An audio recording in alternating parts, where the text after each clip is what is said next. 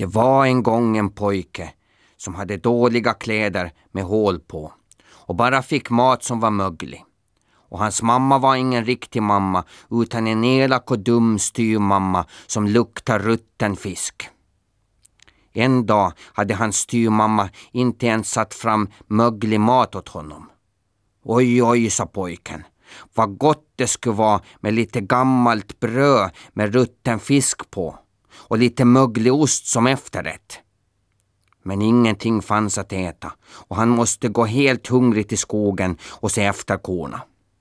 Han var så hungrig och det var så varmt att han tyckte att det var chokladpudding det som korna bajsade.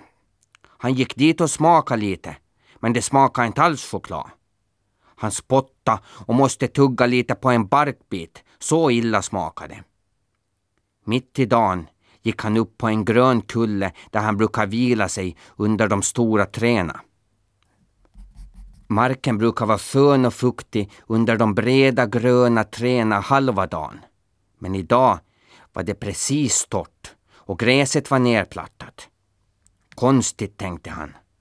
Det ser ut som om någon har trampat ner det med flit. Vem kan det vara? Då blänkte det till i gräset. Vad var det? Jo, två stycken skor av glas.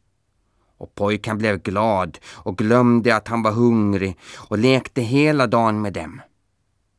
På kvällen gick han hem med korna.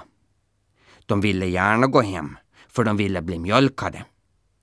På halva vägen mötte han en liten pojke med en stor morot i handen, som bockade och sa Äppelskrutt på dig din kovaktare.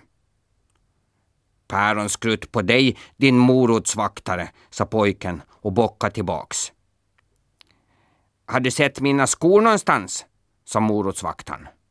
Nej, sa kovaktaren. Vad är det som putar ut under tröjan då? Det är mina reservskor om jag skulle få punktering, sa kovaktaren. De lyser ju precis som mina skor, sa morotspojken.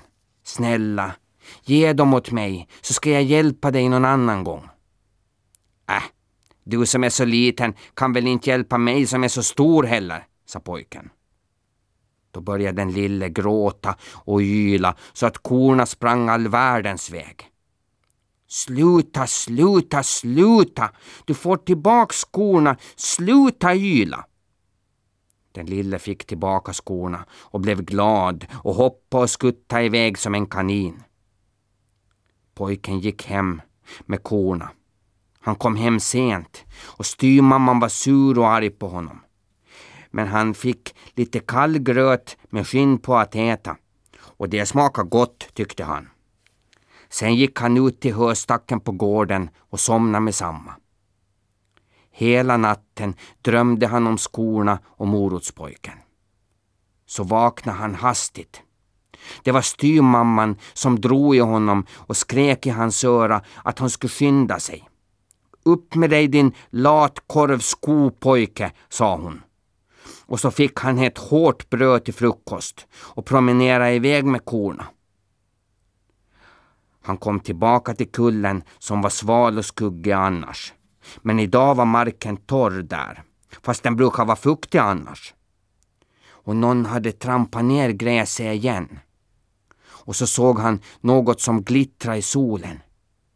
Det var en röd liten grej med små gyllene klockor fastsydda runt omkring. Det var en sån där grej som tjejer brukar ha på huvudet. Hetta hette det trodde han. Jag tror jag provar den, sa han åt sig själv. Egentligen är det ju en tjejhetta. Men ingen ser mig ju här utom korna och de brukar inte retas. Och det var så roligt att leka med den att han var glad och lekte med den hela dagen. På kvällen skulle han hem med korna igen. Han hade så roligt att han höll på att glömma bort att gå hem. Korna ville hem och sa alla samtidigt Mu! Han blev så rädd att han ramlade bakåt och satte sig på rumpan. På hemvägen mötte han en flicka som såg så fin ut att han blev precis röd om öronen. Morsning på dig rödöra, sa tjejen. Morsning på dig tjejöra, sa han. Det är min hetta du har på huvudet. Ge tillbaks den, sa hon. Aldrig, sa han. Då talar jag om för alla att du haft en tjejhätta på huvudet, sa hon. Okej då, ta den då, sa han. Tack, gulliga rödöra, sa hon och pussade honom på kinden så att han blev våt. Nästa gång kanske jag kan hjälpa dig. Hej då. Mm, jaha, hm, sa han. Hej då, liksom. Nu var han röd i hela ansiktet. Vad förargligt att hon skulle pussas så där också. Tänk om någon hade sett det. Så sprang han ifatt korna igen, för de hade fortsatt att gå. De ville hem och mjölkas. Och styrmamman var sur som vanligt när han kom hem. Men han brydde sig inte om det. Och hela natten drömde han om flickan med hettan. Nästa dag fick han inte ens hårt bröd till frukost, för styrmamman var sur och arg. Han kom fram till sin gröna kulle igen. Marken var torr och nedtrampad igen. Det var trampat i runda cirklar som ett mönster. Han hade hört vuxna berätta om att älvor brukar dansa i det fuktiga gräset om sommarnätterna. Tänk om de dansat här! Oj! Då glittrade till i gräset. Vad var det? En liten pingla. Han provade den. Vilket vackert ljud den hade. Till och med korna slutade äta gräs och kom och lyssna på den. Han lekte med den hela dagen och korna låg i en ring runt omkring honom och lyssnade. Innan de visste ordet av var det kväll igen. Då blev korna hungriga igen och ville äta gräs, för det hade de glömt när de lyssnat till Pinglan. Han ropade på dem. Men de ville inte följa med. Så ringde han med Pinglan och genast följde de efter honom igen. Efter ett tag kom han fram till en korsning. Bredvid korsningen satt det en liten, liten gubbe på en stubbe och rökte pipa, som en skorsten. Morsning korsning, sa gubben. Morsning skorsten, sa pojken. Mm, har du sett en liten pingla någonstans? frågade gubben. Jo, jag har hittat en. Men jag behöver den och jag är starkare än du så du får inte tillbaks den, sa pojken. Om du ger mig pinglan så får du en annan av mig som man också kan locka korna med och så får du önska dig tre saker. Okej då, sa pojken. I så fall vill jag bli kung och så vill jag ha ett slott och en klok och snäll drottning. Det är lätt att ordna, sa gubben, om du lyder mig. I natt, när alla sover, ska du rymma hemifrån och gå rakt norrut tills du kommer till ett slott. Här får du en liten benpipa av mig. Om du får något bekymmer, blås i den. Och får du större bekymmer, blås igen. Men får du bekymmer än en gång, så stampar du sönder pipan och då kommer jag och hjälper dig. Då blev det mörkt en sekund och så var gubben försvunnen. Han tittade på benpipan. Där stod det inristat Älvkungen. Oj, tänkte pojken och gick hem. Han kom hem sent och styrmodern var så arg att han fick stryk istället för mat. Han lade sig och vila i höstacken och sov en stund. Mitt i natten väckte fullmånen honom. Han steg upp och gick som gubben sagt norrut. Han promenerade och promenerade över berg och dalar. Och solen gick upp två gånger och ner två gånger. Och han bara promenerade. Den tredje kvällen kom han fram till ett slott som var så stort att han trodde att han drömde. Han gick in i köket och frågade kocken om han kunde hjälpa till med något. Jo, eh, vi skulle behöva någon som kunde se efter korna, sa kocken. Eh, kan du det? Jo, sa pojken. Men se efter att inte vargarna äter upp korna, för det har hänt de andra kovaktarna, sa kocken. Sånt har aldrig hänt mig, sa pojken. Och han började arbeta som kovaktare åt kungen. Det gick bra. Ingen varg åt upp någon ko och alla tyckte att han var duktig. En dag gick han och sjöng tillsammans med korna. Då såg han att någon stod och lyssnade i fönstret. En tjej som var så vacker att han kände att han blev röd om öronen igen. Han låtsades inte om att han såg henne. Han visste inte heller att det var kungens dotter. En dag kom den unga tjejen fram till honom och frågade om han hade tid att vakta hennes lilla fårunge. Vad är det? sa han. Fårkalv då, sa hon. Det heter det väl inte heller, sa han. Fårvalp heter det. Jaså, vad klok du är. Vem har lärt dig det, sa hon och tittade beundrande på honom. Äh, det vet väl alla, sa han. Och så tog han hand om fårvalpen varje dag och flickan stod i fönstret och tittade på pojken och beundrade honom för att han var så klok. Så gick åren. Pojken blev stor och prinsessan blev stor och pojken såg efter korna. En dag kom inte prinsessan ner till frukosten.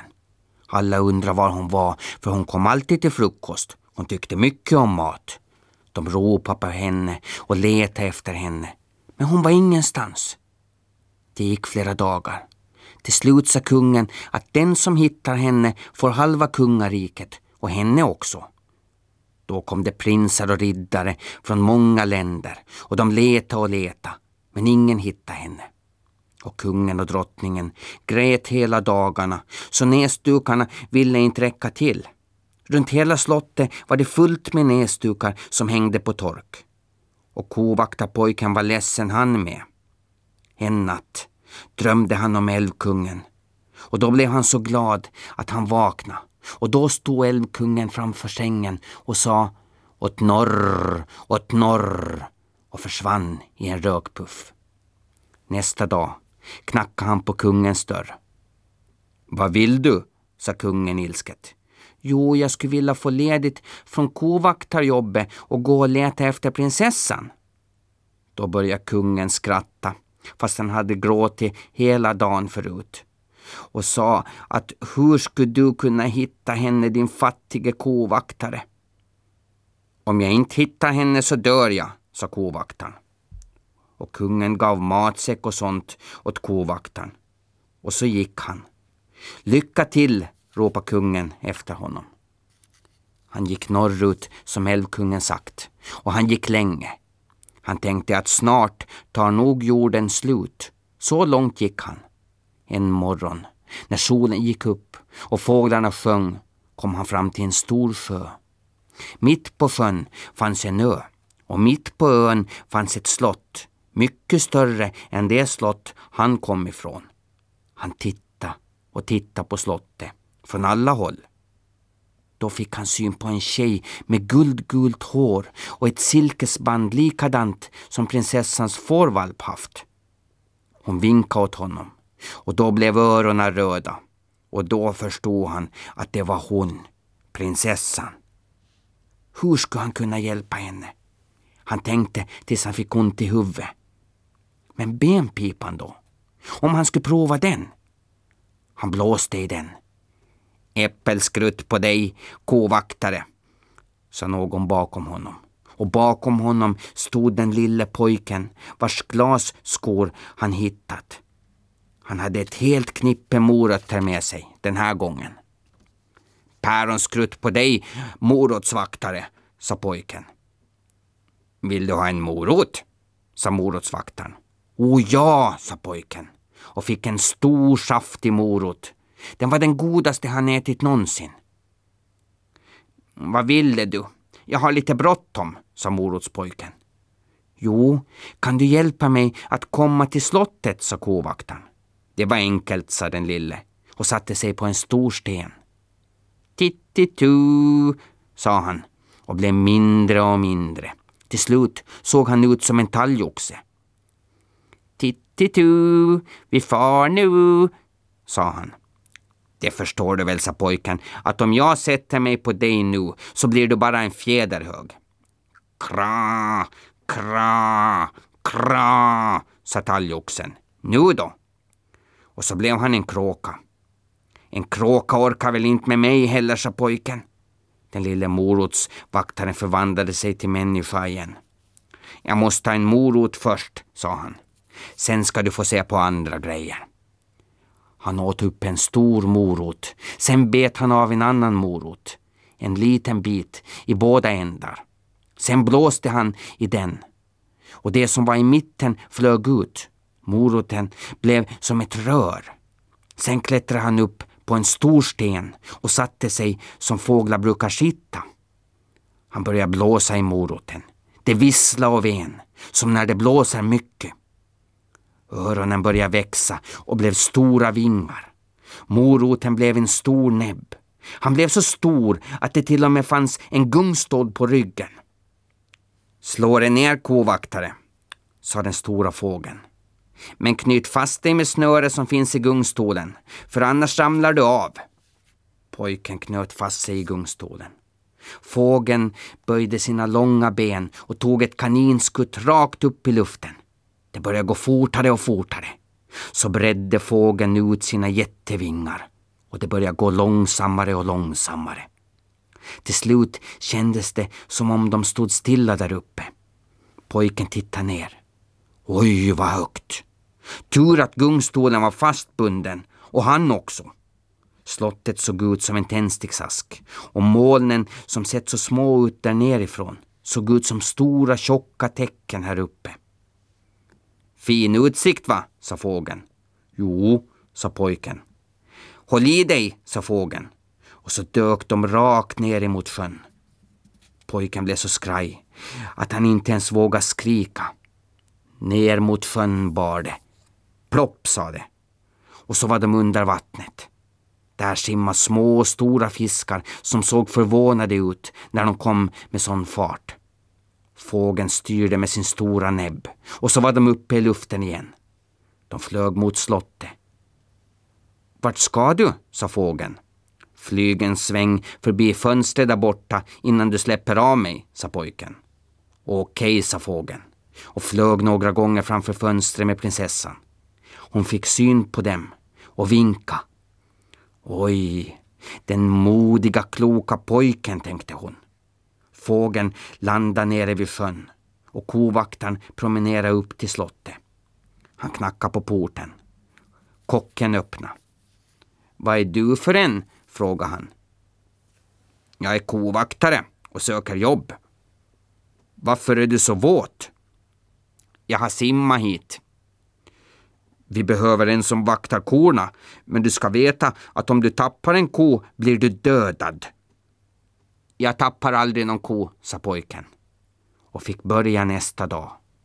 Pojken vaktade korna och pinglade i sin pingla som förut. Prinsessan satt i fönstret. De tittade på varann och blinkade ibland. Men låtsades att de inte kände varandra. Det var en stor jätte som ägde slottet. En dag kom han och frågade om pojken tappat någon ko. Nej, sa pojken. Bra, sa jätten. Då får du alltid vara min kovaktare. Sen gick jätten ner till sjön och rodde med sin förtrollade båt.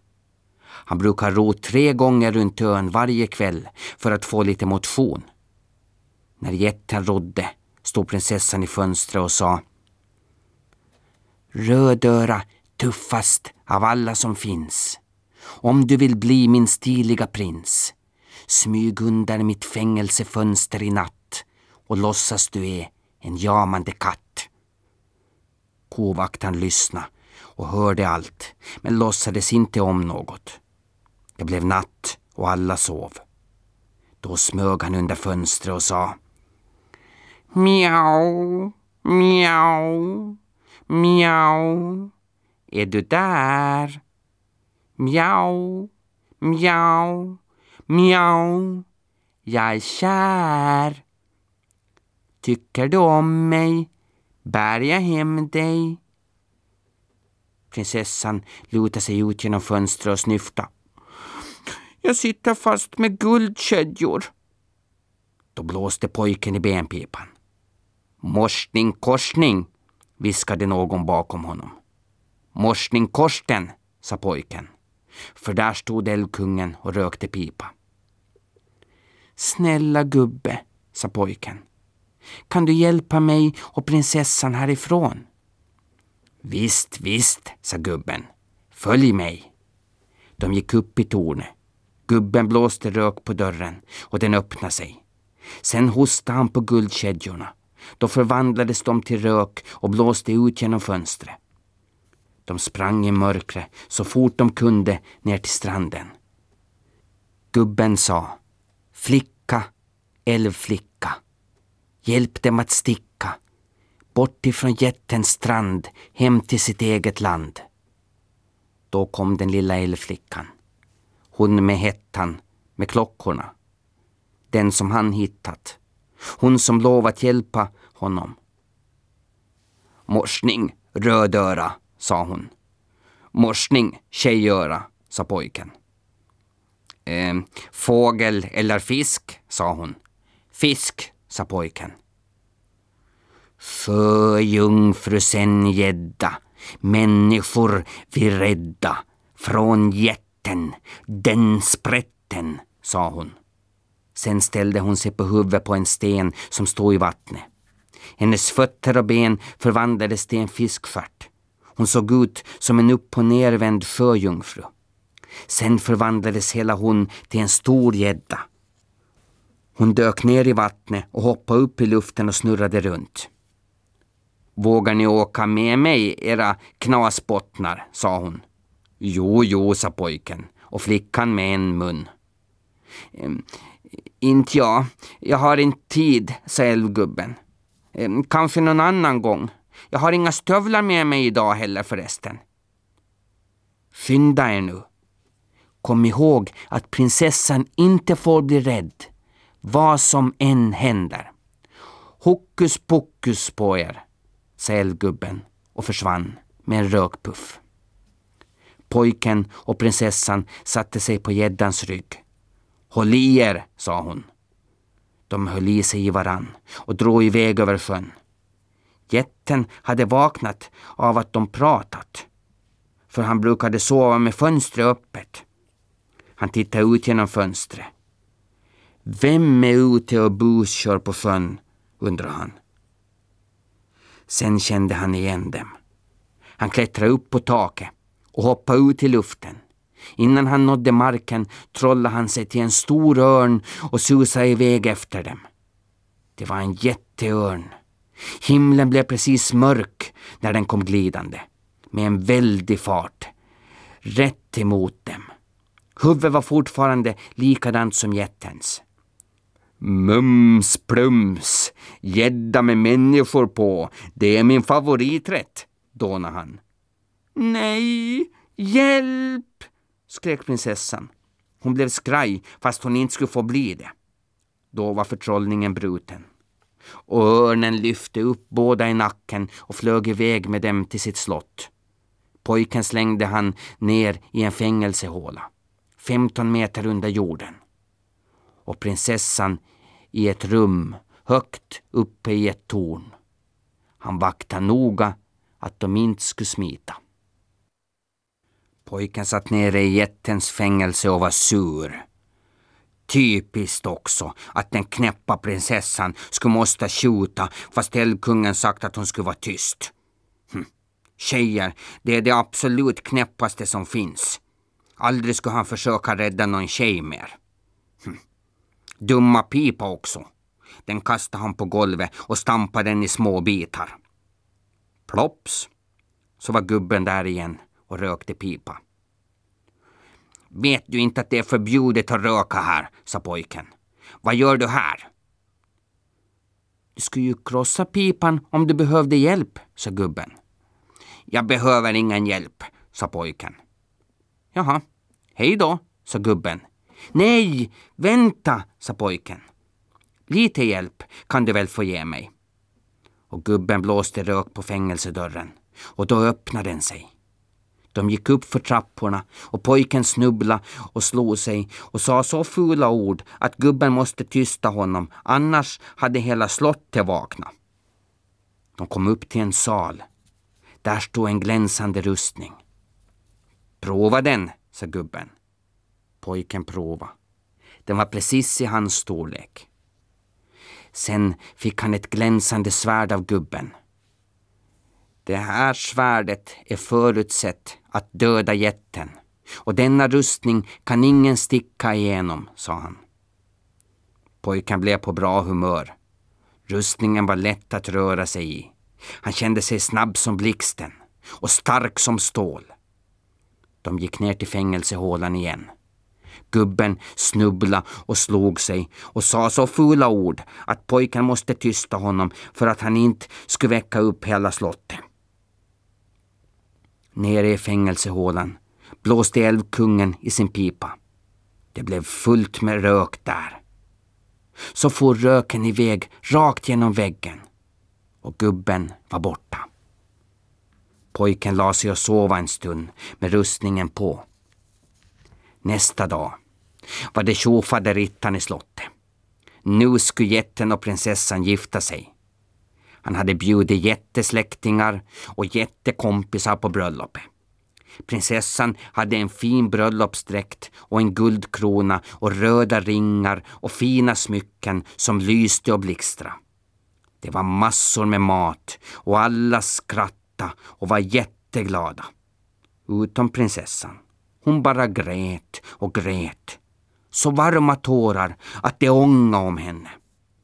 Sen blev det natt och alla blev jättetrötta och ville gå och sova.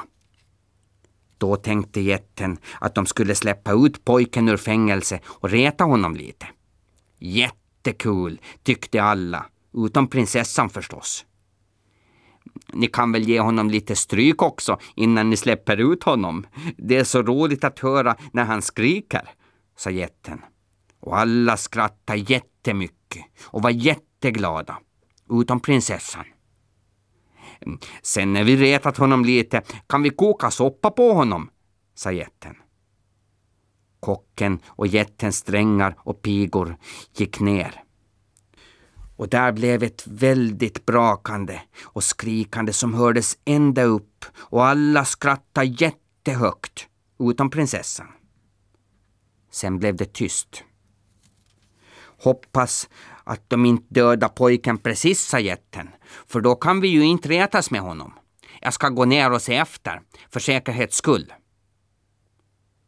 I trappan ner till fängelse låg alla drängar och pigor och kocken.